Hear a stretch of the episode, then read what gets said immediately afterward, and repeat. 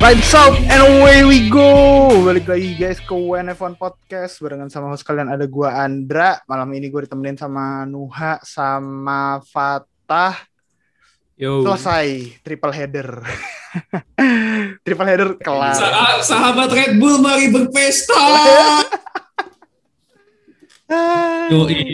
Gue kemarin eh, ini, gue kemarin janji gitu ke anak-anak di grup eh, WNF1 di grup WA.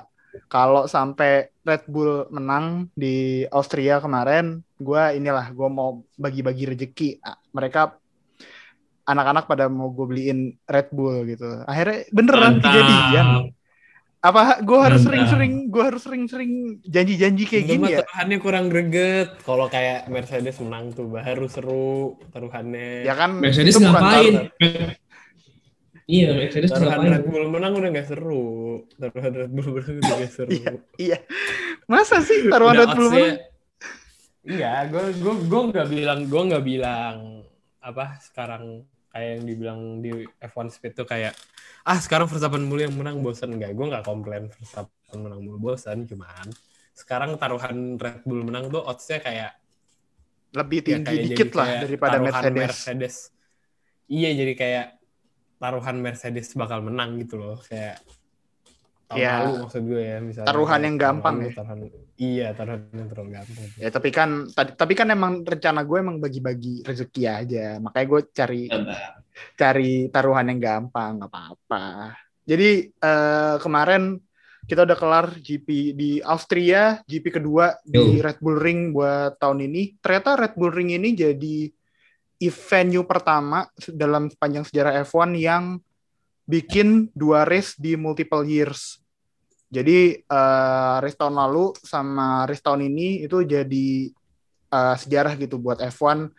Dia eh, jadi tempat pertama yang ngadain dua race dalam satu musim selama eh, multiple years gitu. Jadi eh, dan gua nggak protes sih kalau Austria ada dua race karena emang Red Bull Ring tempat yang enak buat overtake. Jadi gue juga suka eh, ngelihat on track race-nya selepas dari tahun lalu eh yang minggu lalu agak bosenin ya, tapi Red Bull Ring tuh ceilingnya buat eh, ngadain race yang proper, yang oke buat overtaking itu eh, ada banget dan bisa bagus banget gitu.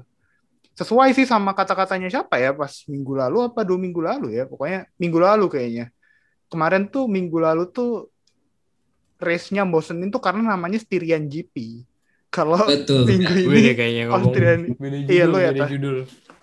Kalau namanya Austrian seru. seru, benar. Austrian GP seru. Kalau namanya Styrian GP nggak seru.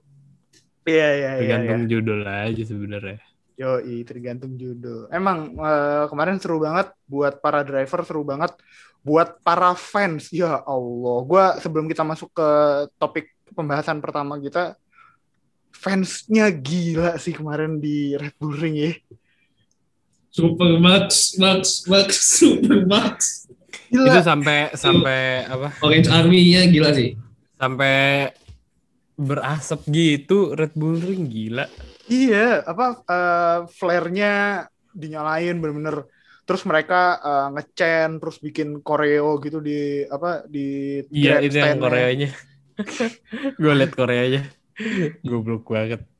Anjir pokoknya Ada aja gitu Iya. idenya gitu. Itu apa namanya? Di Red Bull Ring aja begitu, apalagi nanti di Zandvoort ya. Wah, itu lebih Bener. parah sih pasti. bener bener. Nanti di Zandvoort tuh tuh kalau sampai di Zandvoort eh, Verstappen pole terus Verstappen menang ya. Langitnya di atas Zandvoort tuh orange ya. Udah nggak biru lagi anjir. Itu udah flare di Iya. mana-mana. Itu udah udah pasti langitnya kalau di foto dari luar angkasa tuh kelihatannya orange anjir. Keren banget. Orange kan apa sih sebutannya Orange Army ya? Verstappen kan ya, fa- fansnya. ya? Iya, Orange Army, Orange Army. Orange Army. Ya, emang terlihat lebih baik daripada uh, uh, army yang satunya. Ah, kita lanjut ke kita masuk ke inian pertama kita, eh, topik pertama kita. Kemarin selain driver yang seru buat eh, balapan di on track, di atas track, ternyata ada juga yang seru di dalam ruangan. Ya Allah, FIA dan steward kemarin kayaknya seru banget tuh ng- ngasih-ngasih penalti. Banyak banget. Banyak Itu penalti bejibun asli banyak banget. Nih ya, kalau di race-nya ini eh, ada ini gua rang, eh, lihat rangkuman F1 Speed daftar hukuman penalti pada balapan GP Austria. Giovinazzi 5 detik pelanggaran prosedur safety car jadi men- dia udah nyalip sebelum dia lewatin garis start finish line pas eh, safety car-nya masuk. Udah ending. Terus Lando Norris yang nanti bakal kita bahas eh, dia dianggap mendorong eh, Sergio Perez ke luar track, nggak ngasih space yang cukup eh, di outside buat Perez eh, ngalamin ngelakuin balapannya.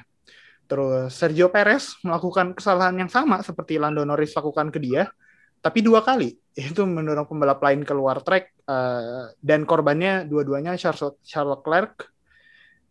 Itu berarti ada dua kali lima detik hukuman lima detik. Terus Yuki Tsunoda juga sama dapat dua kali lima detik. Tapi kesalahannya dia menyentuh garis pit pada garis batas masuk pit pas masuk ke jalur pit tuh kan ada kayak garis batasnya tuh di setelah turn 8 tuh Yep. eh turn 9 sorry Eh, terus Setelah sembilan, terus 109. sembilan. Setelah turn 9 ada garis pitnya nah dia nginjek garis Itu gue agak bingung sih jujur. pas masuk ke pit itu sebenarnya rada jelas sih kalau dilihat Eh, oke oke Iya Apa? maksud gue bukan yang bukan yang apa bukan yang sampai menurut gue sampai membahayakan Iya. membahayakan driver lain gitu itu lebih ke procedural error aja. Iya tapi sampai dua kali sih kayak- agak-agak Oh ini dua kali ya? dua kali pak Tsunoda tuh dua kali Oh iya iya dua kali gue Tsunoda tuh dua kali terus Lance Stroll itu dapat penalti 5 detik speeding in speeding in the pit lane Oh ternyata. speeding ya. Iya. Hmm. Giovinazzi Terus- juga kan ya? Giovinazzi tuh nyalip sebelum safety car Oh garis iya, safety iya, car Safety car ya, sorry, Hmm. sorry lupa. terus Kimi dapat drive thru penalti yang dikonversi jadi plus 20, 20 detik. Itu karena crashnya sama Sebastian Vettel di lap 71, lap terakhir. Terus terakhir Mazepin sama Latifi dapat penalti stop and go 10 detik yang dikonversi jadi penalti 30 detik. Itu karena tidak merespek double wave yellow di lokasi crashnya Raikkonen sama Vettel di lap 71. Nah, selain itu, selain di balap apa di penalti yang ada di race, ada juga Sebastian Vettel yang dapat penalti di qualifying karena ngeganggu lapnya Alonso, flying lapnya Fernando Alonso di Q2 ya. Q2. Ya. Jadi kemarin FIA sangat-sangat sibuk, sesibuk driver dan tim yang eh, balapan di track.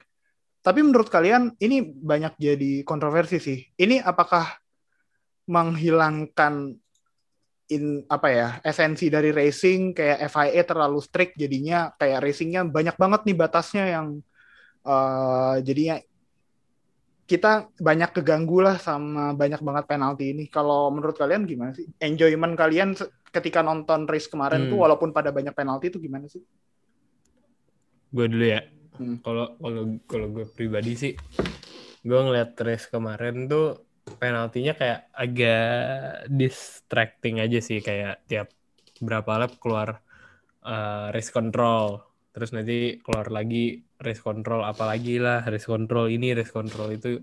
Menurut gue agak distracting aja sih. Tapi kalau menurut gue dari segi penalti yang dikeluarin sendiri sih eh pertama kalau yang Giovinazzi kalau Stroll sama Sunoda kayak oke lah ya udah itu emang udah aturan Prosedur. lama tapi kalau yang Giovinazzi itu menurut gue dan hubungannya sama safety car restart itu gue gue jujur gue nggak suka aturan baru yang safety car restart itu harus nunggu eh abis garis finish start buat baru nyusul gitu loh Hmm. kayak nggak make sense aja kenapa gitu loh bahkan nggak nggak apa ya kalau hubungannya mungkin ya safety ataupun menurut gue nggak make sense karena dari segi racing dan entertainment juga ya itu yang menghibur gitu nggak seru ngelihat satu driver nahan-nahan driver lain di belakangnya gitu loh.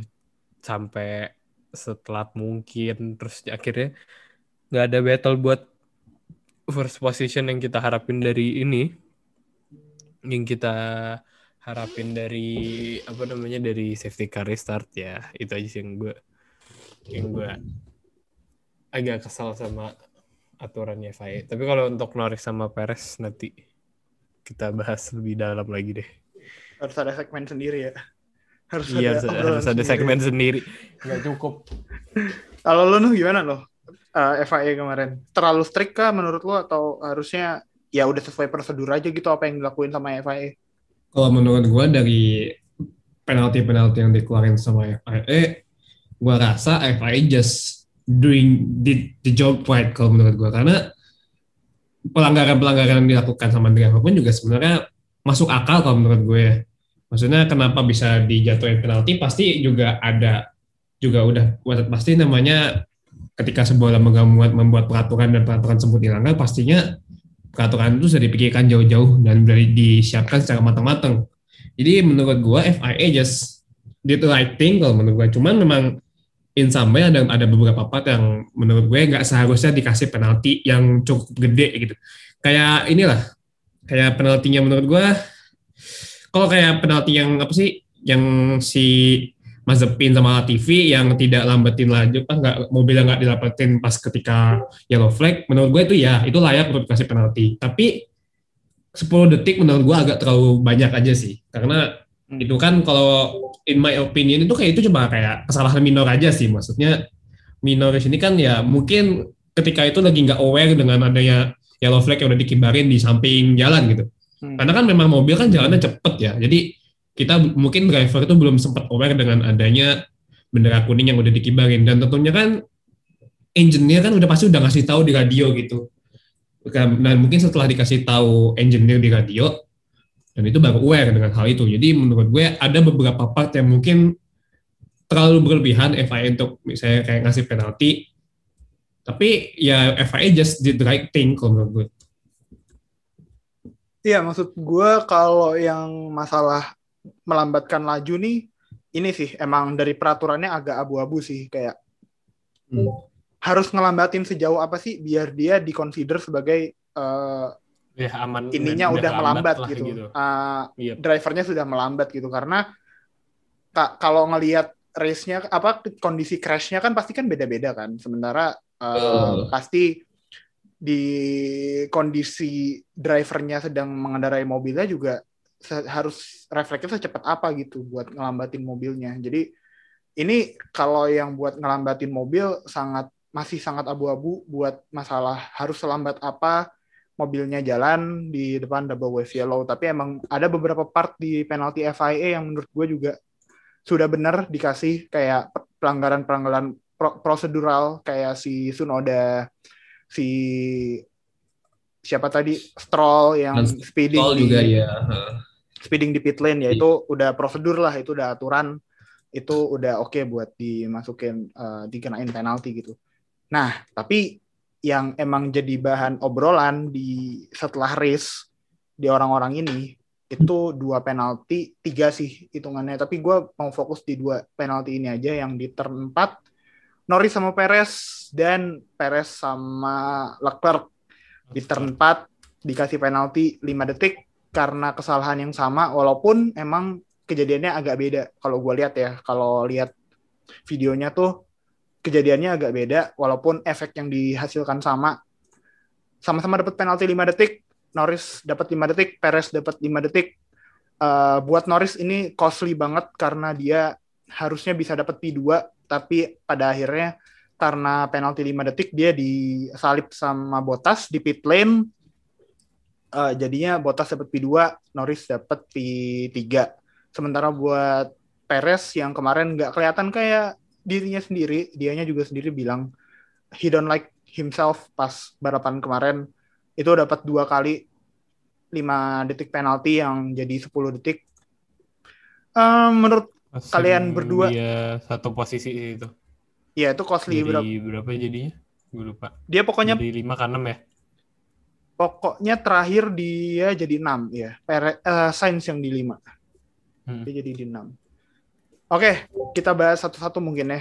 Eh, dari yang Norris sama Perez dulu. Nuh ini Ya. racing incident atau emang penalti? Em, eh, emang Norris bener-bener nggak ngasih space buat Perez di luar? Ah, ini memang menarik sih karena kalau ini dari yang apa yang gua lihat di race kemarin sih harusnya ini bukan menjadi salah apa namanya? Menurut gua Norris pun juga menurut gua juga tetap menjaga race line-nya dia sih karena Hmm. in some way kan juga Perez kan kebiasaan Perez tuh kalau misalnya dia mau nyalip kan dia kadang suka keluar dari race line-nya dia sendiri dan dia suka ngambil race line dari punya orang lain. Hmm. Perez punya tendensi untuk melakukan race itu seperti itu. Kadang-kadang loh, tapi memang nggak terlalu sering.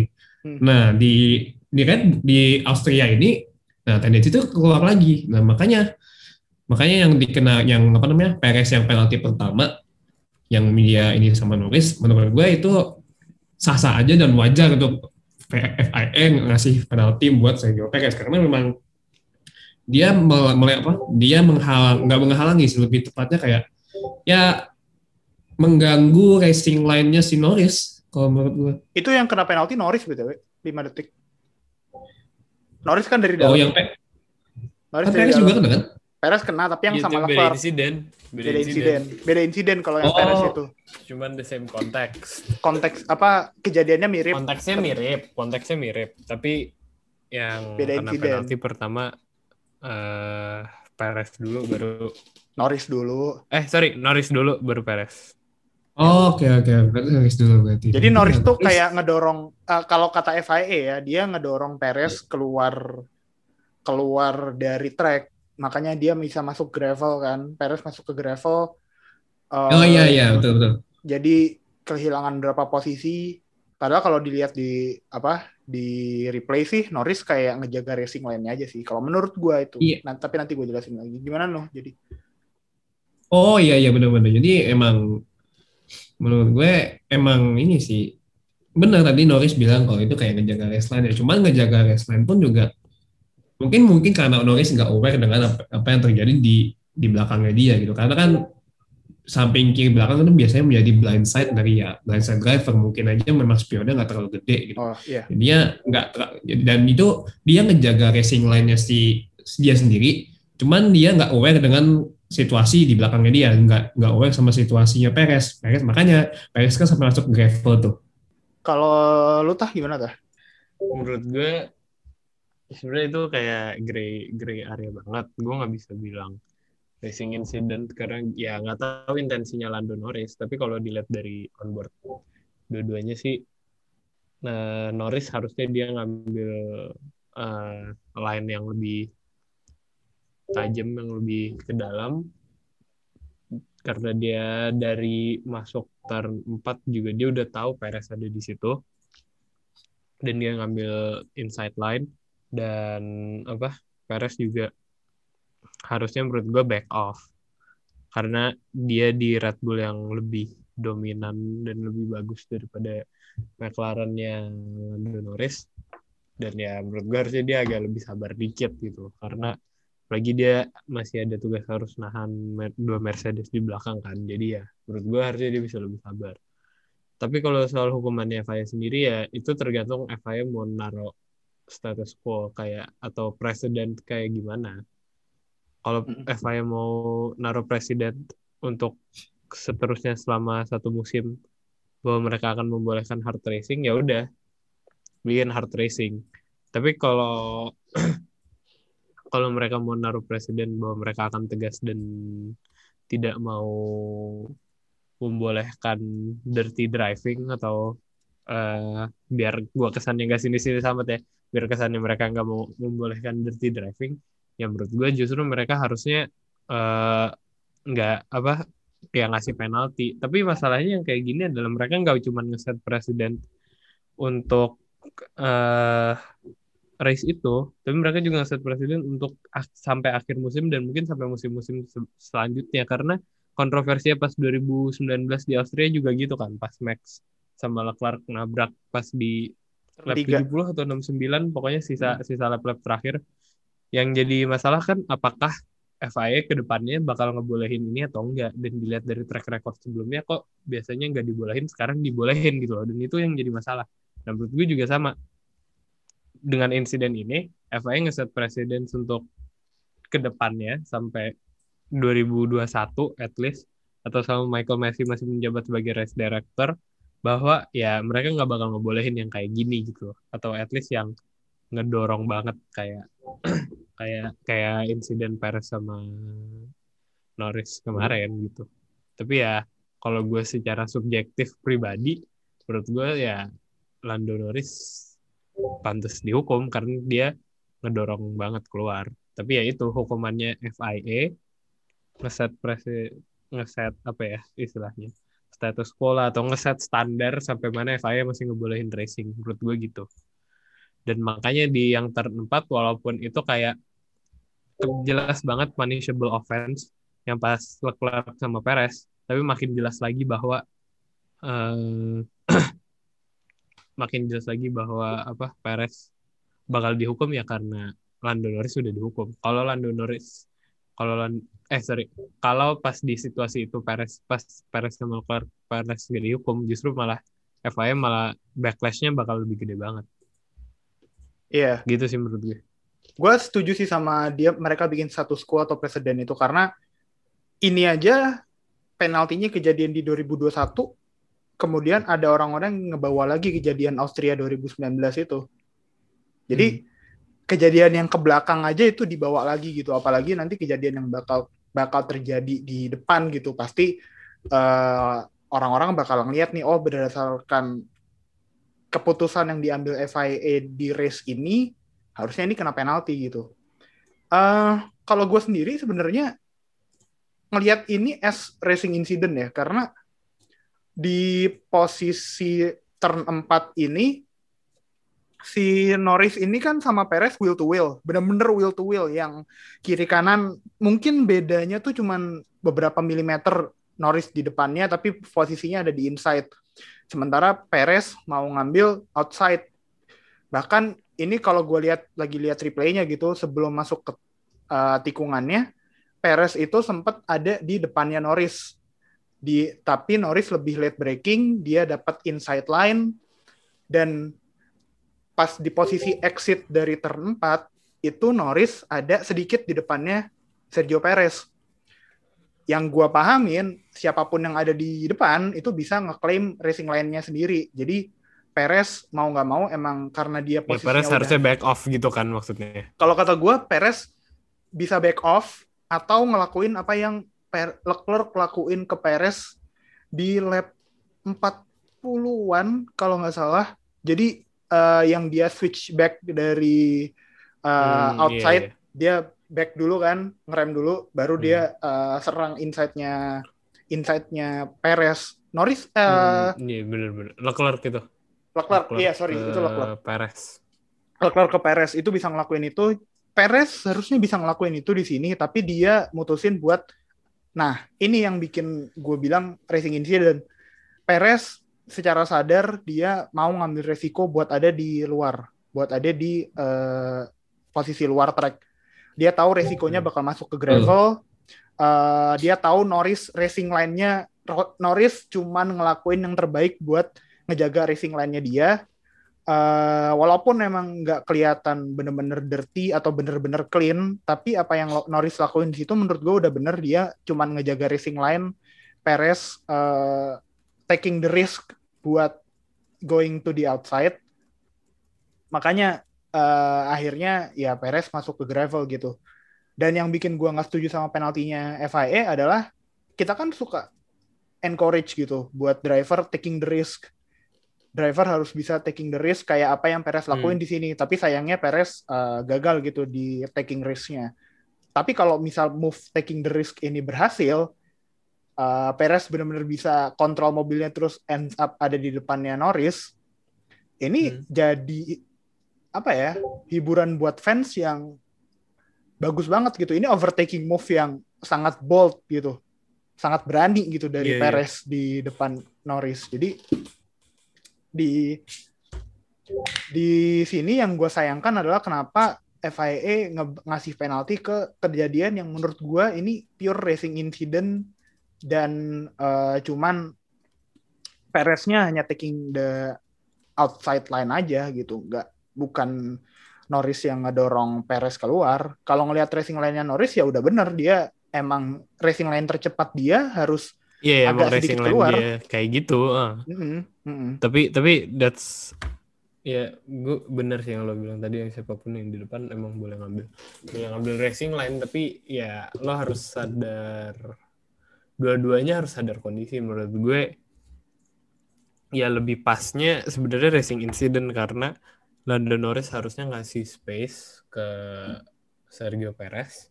Sergio Perez pun tahu kondisinya kayak gitu ya harusnya back off. Hmm. dan, dan ya emang udah resikonya sih benar iya apalagi di Austria di bagian yang itu nggak ada run of area kan udah langsung gravel. Jadi ya resikonya hilang posisi udah tuh tujuh ya tujuh posisi Iya, P10 dia langsung habis itu.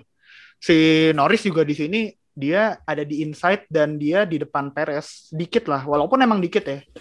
Walaupun emang cuma dikit, tapi ya dia udah posisinya di depan Perez sih. Jadi buat gua it's a not necessarily a clean move, but definitely not worthy of a, of a penalty sih buat gua sih gitu.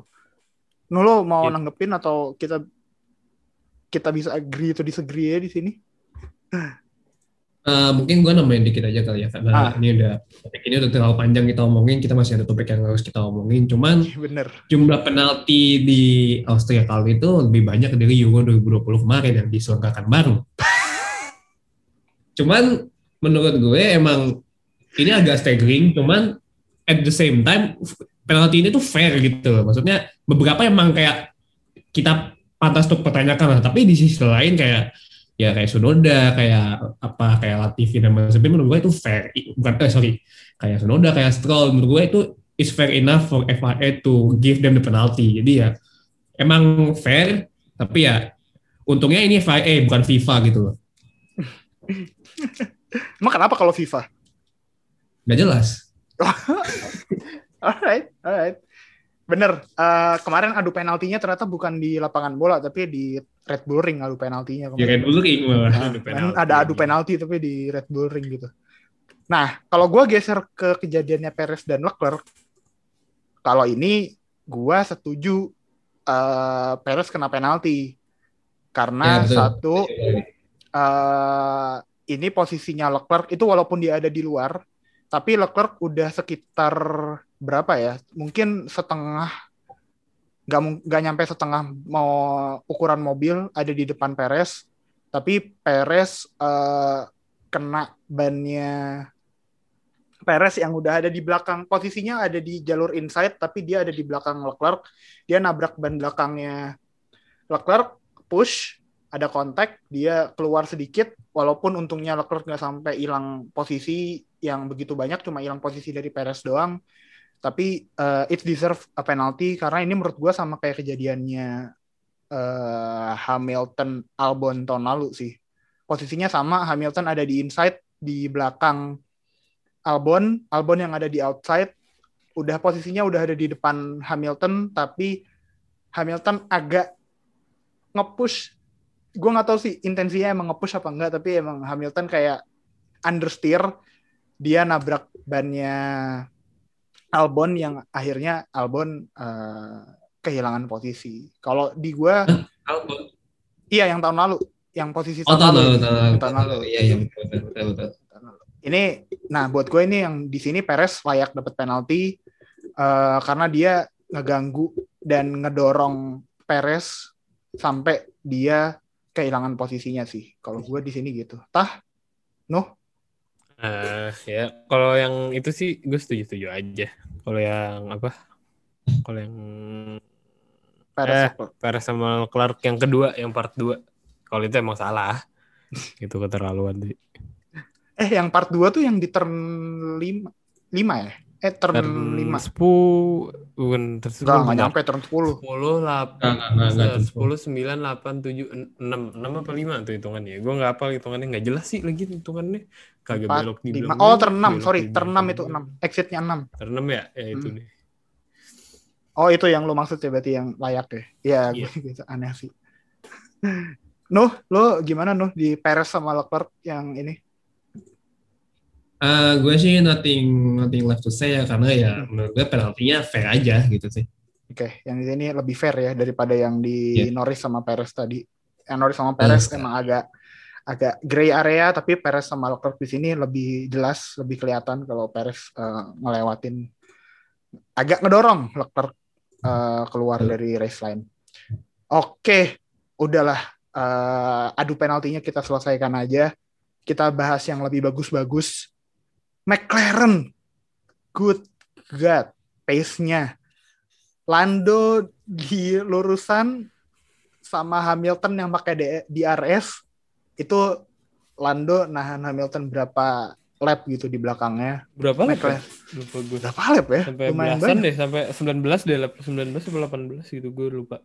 Ya, dan itu McLaren emang kelihatan jadi kayak mobil yang paling cepat di lurusan secara general ya, walaupun gua nggak ngitung pace-nya Verstappen yang emang kurang, ah, bahkan Versta- sama Verstappen mu- mungkin bisa di masih bisa diadu gitu pace-nya dan masih bisa didebatin kalau McLaren lebih cepat daripada Red Bull di lurusan terutama di setelah turn 1 itu. Tuh McLaren benar-benar nggak ada obat.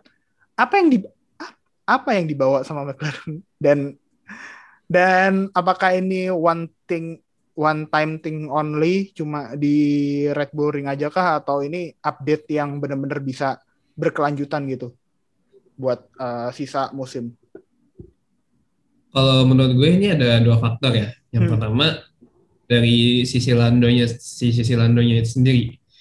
Dia di selama musim ini berjalan, dia selalu dapat poin, nggak pernah jatuh paling bawah. Dia itu ada di posisi 8, 8. Yep, 8. paling 8 dan I think it's show how consistent he is gitu. Tapi emang sih kemarin gue sempat bilang katanya memang media Inggris memang dia adalah driver paling konsisten and actually he is gitu memang ini menurut gue juga disupport sama McLaren. McLaren menurut gue musim Mercedes menurut gue udah menjadi untuk khususnya untuk mobil Lando ya, gue kalau buat Ricardo agak lain cerita. Cuman untuk untuk Lando dia udah driving dengan chassis itu dengan tipe dengan tipe mobil MCL 35 itu udah dari tahun lalu. Kan musim ini di mobil McLaren kan sebenarnya itu nggak ada perubahan. Cuma ya cuma ganti istilahnya cuma ganti mesin doang. Hmm. Body, chassis, terus juga air intake apa segala macam. Bahkan mungkin desain kokpit yang di dalamnya yang dipakai Lando pun juga secara secara ini sama, nggak ada perubahan yang berubah cuma mesin. Bahkan mesinnya harus adaptasi dengan body dan cetak apa sih monokok yang ada di dalam mesinnya itu di Yes. dalam mobilnya. Hmm. Jadi menurut gua Lando udah nggak perlu, maksudnya bukan nggak perlu, Lando udah ada sama mobilnya situ dan ketika dikasih dengan mesin yang tepat, which is which is mesinnya Mercedes, ini mobil ini mobil bisa kenceng dan ini dibantu juga dengan memang talentnya Lando memang ya memang bagus gitu loh ya salah satu yang driver talent yang menurut gue salah satu yang promising saat ini salah satunya ya Lando. Norris dan karena ya untuk secara ini ya bahkan ini kan kemarin di race kemarin kan ini neck to neck sama Hamilton bahkan sampai Lewis Hamilton tuh muji dia gitu he's such a Yes. great driver gitu Such a great driver. sampai Hamilton sampai appreciate Lando Norris a lot gitu. Just itu kayak udah nunjukin how good Lando is in mobil McLaren. Sembah, coba kalau misalnya itu dikasih mobil Mercedes gitu, itu kayaknya sih lah Lando bisa menjadi one to instantly dengan mobil Mercedes. Masalah ini dengan mobil McLaren menurut gua udah mentok sih. Maksudnya ya memang Hmm. Iya dia cepat, cuman not good enough gitu menurut gue. Benar. Not good enough di sini. Mobilnya nggak cukup bagus buat kayak Iya mobilnya nggak cukup bagus. Maksudnya, iya dia bagus, dia bisa memaksimalkan potensi mobil, mo- bukan potensi mobil, potensi mesin Mercedes yang dipakai untuk McLaren. Cuman ya udah mentok. Kenapa dia bisa cepat di lurusan di track lurus? Karena kan memang build-nya track Red Bull ini kan memang tipikalnya speed dan power yang benar-benar ngandelin power. Ya ini udah jelas ada bahkan ada tiga DRS zone di sini. Di ya ada tiga DRS zone yang benar-benar bisa memaksimalkan power mesin untuk bisa lari bisa untuk bisa ini cepat. Jadi ya sekali lagi memang memang Lando is best and the mobil apa the mobilnya tuh yang memang bisa cepat di dan menurut gue juga salah satunya ini diuntungkan dengan kondisi track juga sih tracknya Red Bull. Kita nggak tahu nanti gimana nanti mobil McLaren bakal bisa survive di Silverstone, Silverstone. gitu. yang nggak tahu terlalu tuh. banyak yang lebih banyak high speed corner gitu. Eh, tah gue geser ke lu, gue ganti pertanyaannya. Iya. eh Mercedes, eh McLaren mutusin buat ganti mesin ke Mercedes uh, di awal musim dan transisinya buat gue sih transisinya sangat smooth terutama buat Norris.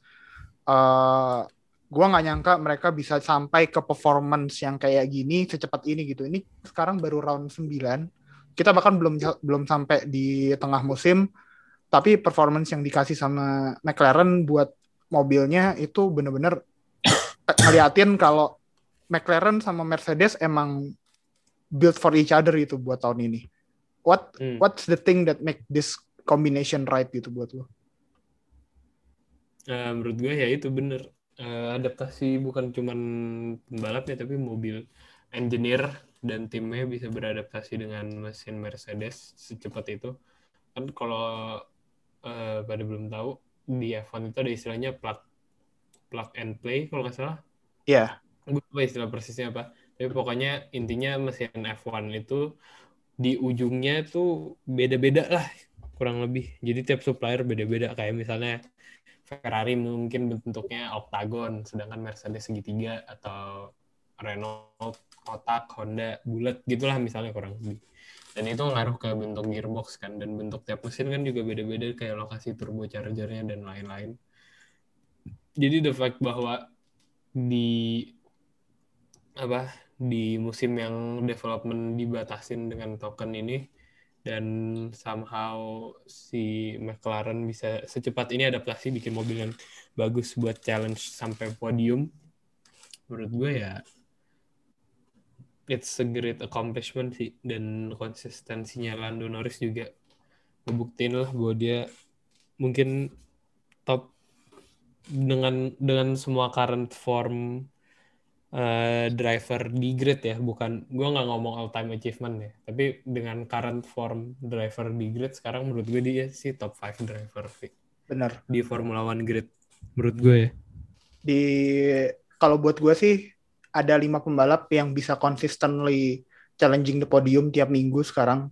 Dua Mercedes, dua Red Bull, sama Lando Norris.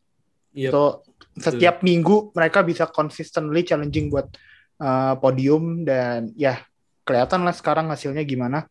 Uh, Norris jadi Norris juga jadi kunci sih buat gue gimana kemarin Verstappen bisa bikin gap sejauh itu dari uh, Hamilton karena Hamilton nggak bisa nggak bisa lewat-lewatin si McLaren si Norris makanya Verstappen juga bisa nyaman gitu di depan so ya yeah, dikit-dikit Verstappen harus bisa terima kasih lah nih sama sama Norris karena kemarin lumayan itu kebantu. tahan Lando kayaknya nempel tuh, nempel-nempelan. Lumayan, walaupun, walaupun akhir walaupun, walaupun di akhir ada damage. Ya. Walaupun ada damage, iya, tapi tetap bisa yeah. ketempel itu. Oh ya, tambahan tahu nggak kenapa Norris bisa kencang banget di Red Bull? Eh, di McLaren. Karena itu di enggak ya di, di, Red Bull Ring. Red Bull oh, Red Bull Ring. Ya. Karena karena kan yang datang ke datang ke Red Bull kan fansnya McLaren semua kan orange semua oh, Iya bener. Kan dia bilang itu orange itu orange orange tuh bukan buat Max buat McLaren itu. Orange oh iya bener itu. Bener. Apa motivasi tambahan itu pasti Norris di depan. Ya. Yeah. that's about it buat Norris uh, McLaren yang makin promising makin round setiap season makin season ini pro progressing Norris terlihat makin promising buat uh, kita semua. Australian GP kita sepakat lebih seru daripada Australian GP tahun lalu eh tahun lalu minggu lalu. Lo ada on track action favorit kalian apa aja sih kemarin yang terjadi? Gue ada gue ada gue ada. Apa nuh apa nuh George Russell yang harus naik to sama Fernando Alonso sih ih bener uh, gila itu kita udah deg-degan. Gue sama Fatah tuh udah bilang kan, uh, eh, gue sama Fatah udah bilang di grup Dra itu di P10 ada pembalap, nggak usah di tweet ya. Gue lihat kan siapa Gue juga itu gue juga ini ini ngapain sih orang tua masih ganggu aja. Lu udah tua, nggak usah balapan lagi lah. Kasihlah kesempatan buat anak muda satu ini buat at least dapat poin aja. Satu deh. Gitu. Itu wah, tapi emang move-move-nya Nor apa Norris Norris mulu gue. George Russell pas nahan Alonso tuh emang clinical sih. Uh, dia naro mobil Williamsnya di tempat yang tepat, dia bisa nganahan Alpine yang mungkin di lurusan nggak secepat Williams, tapi di begitu di Hmm. turn di corner baru mereka dia bisa ngelewatin si Russell gitu. That's about it. Sangat-sangat clinical. Bahkan di akhir Alonso tetap meluk si George Russell. Alonso bilang Betul, betul, betul. Alonso bilang di pas gua lihat ininya, gua nggak suka gitu di depan gua di pitan ada Russell gitu karena ya mungkin menurut Alonso juga dia juga pengen Russell dapat poin because he really really deserve it apalagi setelah quali qualifying session kemarin masuk ke Q3 Betul, betul, pertama betul. kali buat P10. Williams di sejak 2018 so that's really a good accomplishment sih buat George Russell kemarin. Sayang ya Nuh ya tapi sayang sih. Sayang banget. Dan juga ya ini loh ini loh namanya Yudi udah ngejelasin how good George Russell in the, in the F1 in the car gitu. Maksudnya dengan mobil Williams yang begitu si Russell tuh bisa push push the push the car really hard untuk bisa tembus ke ke P10 gitu. Apa ya ini ya maksudnya ya ini udah ngejelasin bagus gimana Russell bagus apa. Dan tahun lalu pun kita juga udah ngeliat gitu ketika Russell dikasih mobil Mercedes yang benar-benar at that time the best car in the in the in the in the season ya kita udah tahu sebagus apa Russell dengan mobil Mercedes musim lalu. Dan menurut gue itu udah menjadi kayak ini loh bukti nyata kalau lo tuh harus ada di mobil yang deserve for your talent in next season. Itu Betul sekali, George Russell. You earn uh, our appreciation dari WNF1. Semoga semoga cepat dapat poin, terutama di Win. musim ini. Semoga musim ini dapat poin buat Williams dan George Russell. Tah, lo ada on track action yang lo suka kemarin? Hmm. Nggak ada. Menurut gue ya itu sih apa Lando Norris nahan Hamilton sih. Apa ya? eh, walaupun itu kayak mungkin memprevent kita dari battle for the lead. Menurut gue itu ya nunjukin aja tadi kayak yang lo bilang uh, skillnya Lando Norris buat bahwa dia udah kayak udah kayak Verstappen sama Red Bull 2018 2019 lah eh sama Red Bull 2020 dan Leclerc sama Ferrari 2020 sih. Jadi menurut gue dia udah membuktiin yang seperti tadi gue bilang kayak top top 5 driver on the grid. Menurut gue sih top 5-nya sekarang eh Verstappen, Hamilton, Lando, Leclerc, siapa lima ya? Gue nggak mau naruh Bottas. Perez.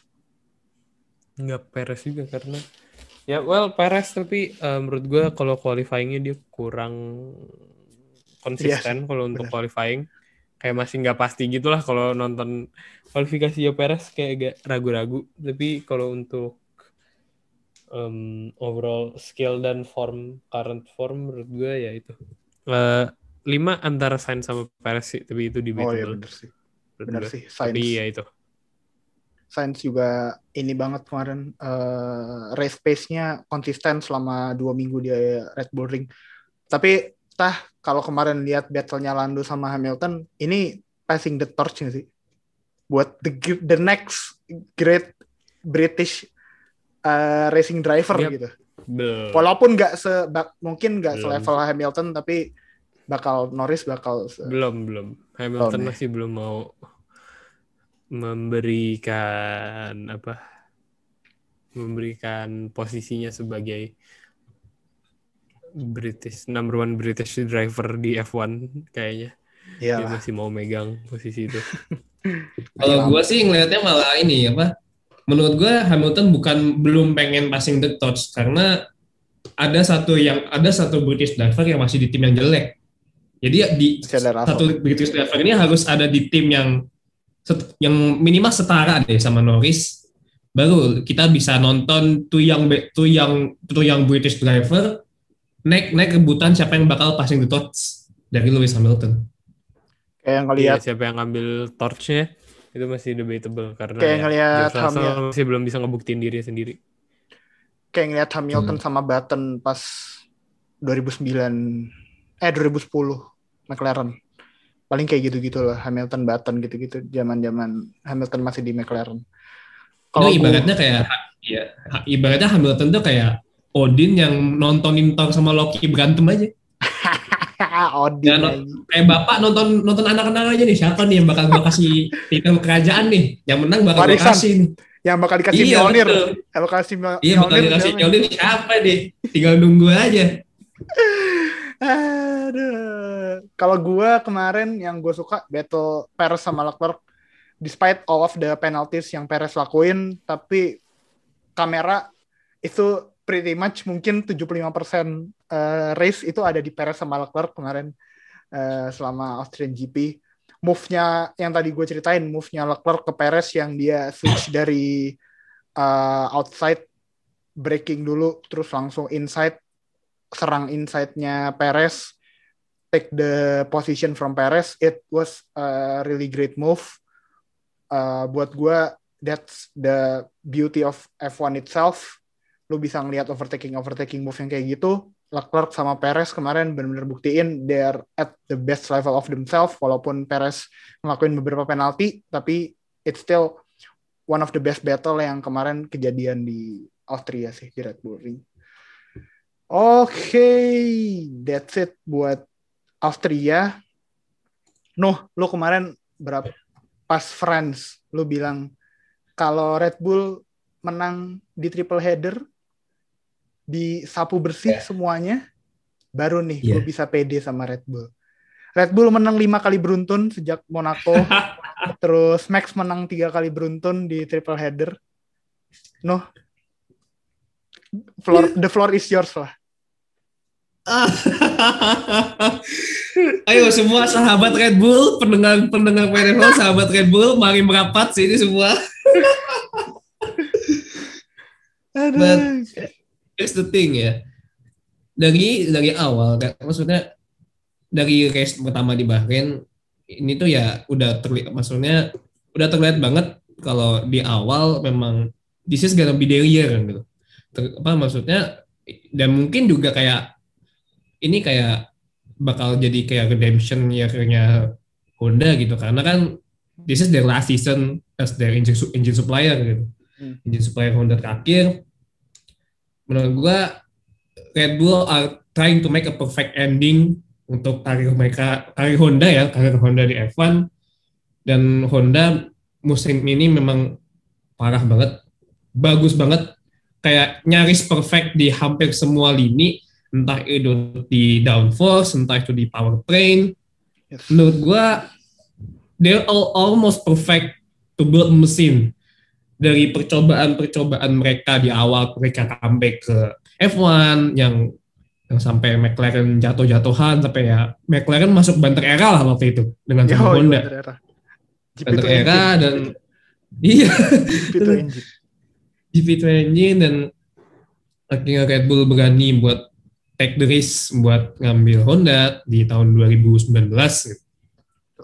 dan kemenangan kemenangan Honda pertama mereka kan juga di Red Bull Ring gitu dengan Verstappen dan menurut gue dengan ini kan kayak sudah 9 kali ya mereka mereka menang di Imola di awal di Imola maksudnya dan Monaco Baku, France dan di Austria Dua dua kali.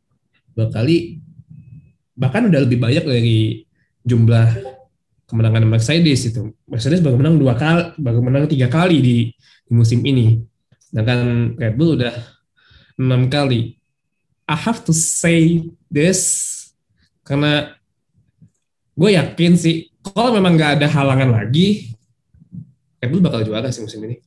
Aduh. Karena- oke oke oke. karena gini ini sebenarnya udah udah kita omongin dari beberapa episode bahkan udah cukup sering kita omongin gitu Red Bull tinggal butuh satu driver lagi sebagai pelengkap Max Verstappen dan itu udah mereka dapetin di sisi Sergio Perez dan ini udah ter- udah maksudnya udah kan Sergio Perez pun udah memenangkan GP pertamanya di Red Bull di Baku jadi ya siapa kita pun juga nggak ngira gitu Red Bull tuh bakal dapat second driver yang bisa secepat ini beradaptasi dengan Verstappen. Gue pun juga sebenarnya nggak nyangka hal ini bakal terjadi gitu. Bisa secepat itu beradaptasi, bisa bisa melihat chemistry di antara Verstappen dan Perez tuh bisa sebagus itu yang gue tidak melihat ini beberapa tahun belakangan gitu. Gue nggak ngeliat ini di Albon, gue nggak ngeliat ini di Gasly. Bahkan gue tidak terlalu melihat chemistry itu ada bisa sehangat itu ketika masih ada Ricardo gitu. I mean, chemistry is penting. Cuman kalau mobil apa maksudnya? Sorry kebalik. Mobil kenceng tuh penting. Driver second driver yang jago tuh penting. Cuma kalau misalnya nggak ada chemistry maksudnya second driver itu juga bisa ngebantu ngepush push ngepush first driver mereka untuk bisa pushing hard to be the, the better option. Dan menurut gue Perez did, did a great job for this gitu. Jadi I have to say memang peluang mereka untuk juara 95% kalau misalnya nggak ada halangan 95% chance Red Bull buat juara itu ya sebesar itu. Cuman ini kan ya biasa kalau ada mulai ada dominasi yang memuncul pasti ada beberapa orang yang ya eh udah mulai bosen nih Verstappen menang mulu nih gitu. Uh, itu sih menurut gue ya bias bahkan ya kita udah ngeliat dominasi Hamilton tujuh kali juara berturut-turut gitu. Ini Verstappen baru menang berapa sih? Masa udah tiba-tiba you, you mean hello, you can hate this guy gitu karena ya ini ini orang di umur 23 tahun udah udah menang 50 masukkan menang sorry, udah masuk podium 50 kali gitu. Just itu udah menjadi how great he is as a, as a driver in such a young age. Like Verstappen yang masih bahkan lebih tua gue gitu daripada dia gitu walaupun cuma beda iya beda beda berapa bulan doang gitu sama dia gitu Iya, umur 23 tahun udah jual, udah masuk podium 5 kali, 50 kali, gue lagi bikin podcast gitu. ngomongin dia. Ya ngomongin dia. ngomongin dia. Jadinya kan itu menjadi sebuah ya gue yakin si F1 udah semua to make it happen gitu karena ya ini udah terjadi di Hamilton tujuh kali gitu. I mean, gua rasa sih media kemarin ya, bukan media sih. Ya mungkin sosial medianya F1, kalau kalian aware sih sebenarnya, itu tuh lebih banyak ngomongin Lando Norris sama George Russell dibandingkan dengan Max Verstappen. Hmm udah nyari-nyari ini ya, nyari-nyari bahan obrolan baru lah ya, biar nggak terus-terusan Verstappen gitu ya. Biar nggak terus-terusan Verstappen yang diomongin mulu, yang menjadi apa the face of F1 for many years to come. I don't know, it's like a tendency for them to stick to the British driver or not. I don't know for sure for that. Cuman ya nggak tahu ya gitu ya. Ini masih asumsi aja, but gue gue sih coba semoga gue salah gitu. Cuman kalau misalnya ada British driver yang bisa dengan tidak sejago itu, just imagine what will happen if F1 punya nanti apa namanya American driver gitu yang kompetitif yang least bisa compete in the middle team gitu. Gua sih ya nggak akan terlalu berharap banyak sih American driver bakal mau balap di F1. Cuman balik lagi untuk chance juara Red Bull gue juga pede dengan apa yang dibilang Christian Horner. Chance mereka untuk juara setelah triple header ini bisa besar. Itu. Takut gue bilangnya, gue takut ngejing saja sih. Sumpah, asli gue takut itu aja anjing. Gue gue dari gue nggak berani tuh nge-tweet uh, Max bakal juara tahun ini di akun pribadi atau di akun WNF1 ya. Gak berani gue ngetit gitu. Nih atau ingat, ingat gitu. aja, Vettel Vettel 2018 juga selesai Austria juga mimpin juga mimpin 7 poin. Selesai 7. Inggris mimpin 14 poin. Hmm. Eh, sorry. Eh enggak mimpin, sorry, mimpin satu poin. Ya ini kan Selesai 32. Inggris mimpin 8 poin. Ya kan ini nih. Orang-orang kayak gini nih. iya tahu. Cuman realis nggak nyantai dulu, nyantai dulu, nggak usah. Iya. Menggebu-gebu. Ini ya. bukan nyantai, ini namanya confidence gitu. Hype, ini hype, ini hype. Nggak apa-apa. Gak apa-apa. uh, gini aja. Buat buat menetralisir jinx ya, gue cuman gini aja. Uh, semoga uh, seperti doa kita di awal championship battle-nya seru sampai akhir udah gitu aja nggak apa-apa. Siapa yang bakal juara? Ya biar waktu yang menentukan. Nah itu buat netralisir jinx tadi kalau misalnya tiba-tiba ada jinx. Kita udah bilang nggak nggak nggak. Takut gue takut beneran. Aduh. Tuh tadi kalau nggak ada, adanya kebetulan aja sih. Benar. Tapi gue setuju sih kalau Red Bull tahun ini udah almost perfect di semua lini ya. Uh, technical, driver, manajemen, strategi itu hampir semua mereka udah improve over the winter. Mereka mungkin belajar banyak dari tahun 2020 di mana uh, mereka legit jadi contender sendiri yang bisa ngelawan Mercedes gitu. Setelah musim-musim sebelumnya kan masih ada Ferrari dan 2020 Oh, uh, Red Bull contending lawan Mercedes sendirian, mereka belajar banyak mungkin dari season itu uh, supaya bisa ngelakuin hal yang lebih baik di 2021 dan benar-benar kelihatan improvement segala macam.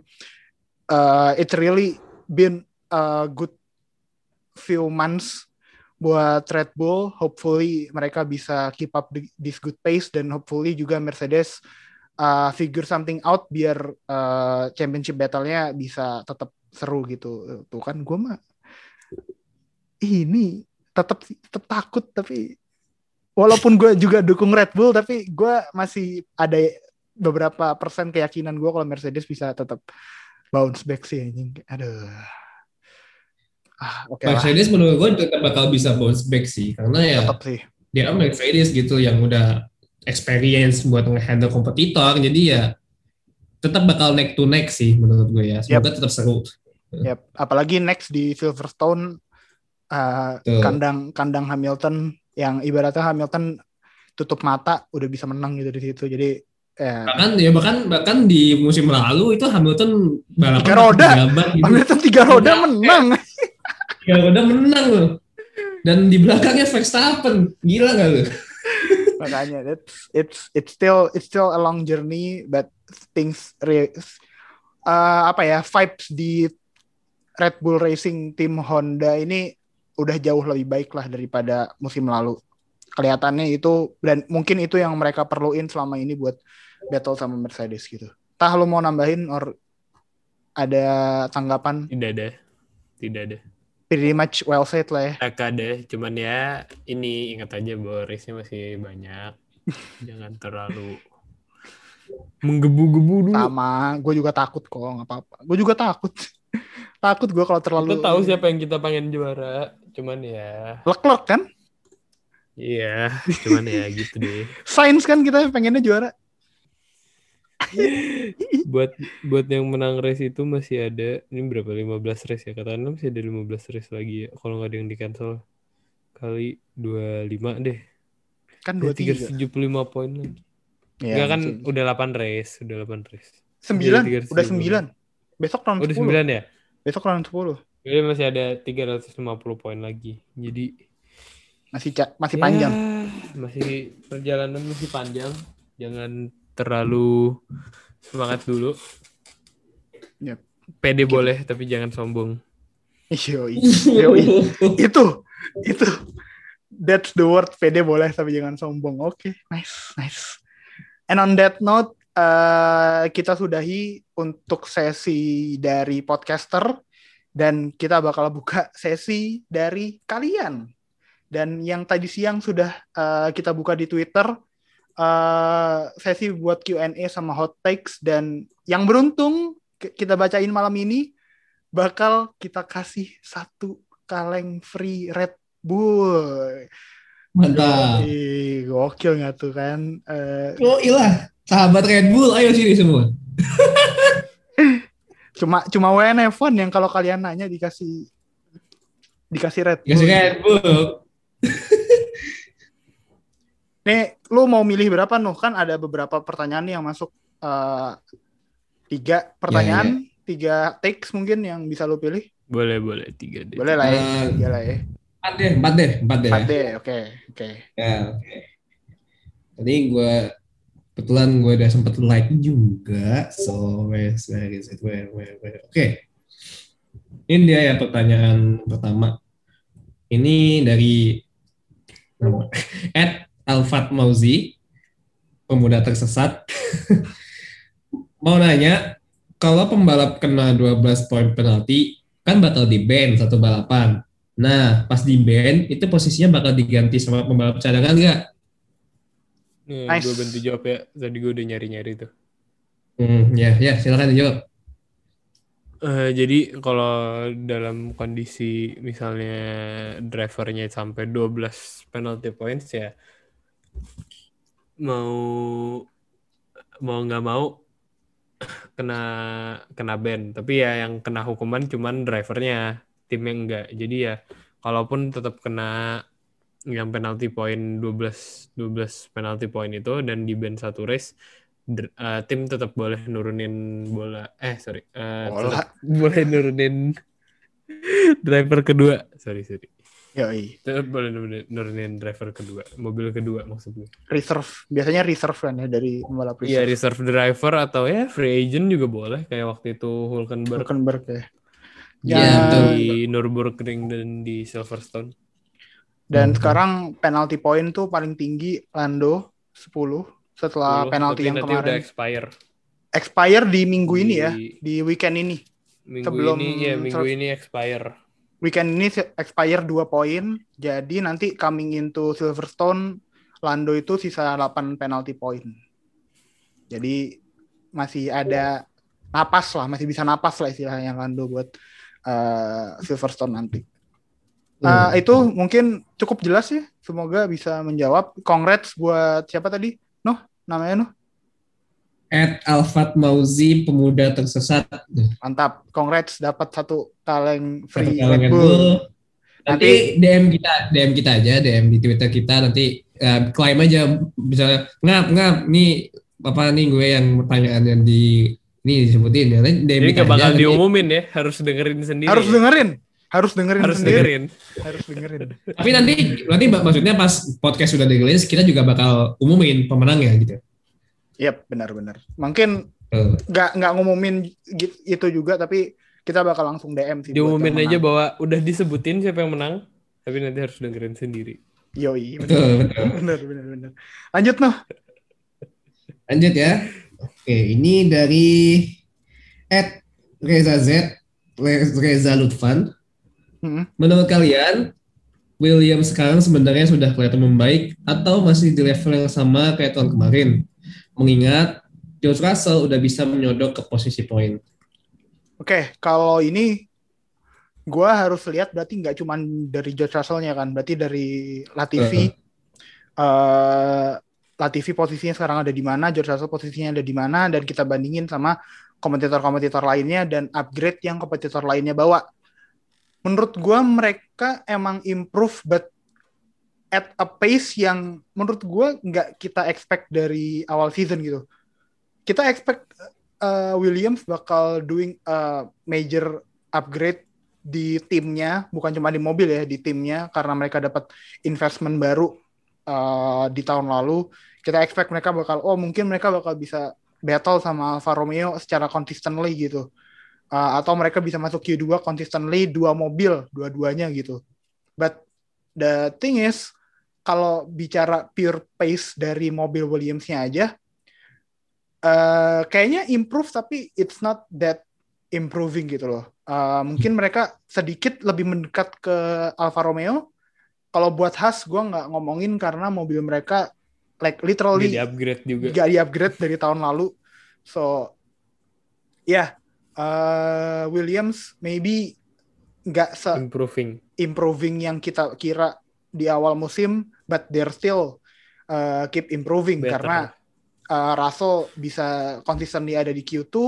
Latifi juga musim ini masuk Q2 kan ada di Masuk, masuk cukup cukup sering Iya, masuk sempat. Kyoto kok si LTV. Iya, Hmm, tapi ya itu masalahnya yang kita nggak tahu adalah apakah ini mobilnya yang bagus sudah mendingan atau George Russell yang outdrive mobilnya sama kayak pas kasusnya Red Bull 2019-2020 tuh pas sama pas second drivernya masih kurang bagus. Hmm. Kan kita nggak tahu tuh apakah emang Max Verstappen sebagus ini atau eh, mobilnya yang apa yang nggak maksimal yang bisa maksimalin itu Max Verstappen atau second drivernya yang nggak maksimal gitu kan Yep. ya menurut gue ini sama di Williams kayak ya nggak tahu gitu apakah ini George Russell yang drive-nya bagus banget atau eh, mobilnya atau Latifi yang belum bisa.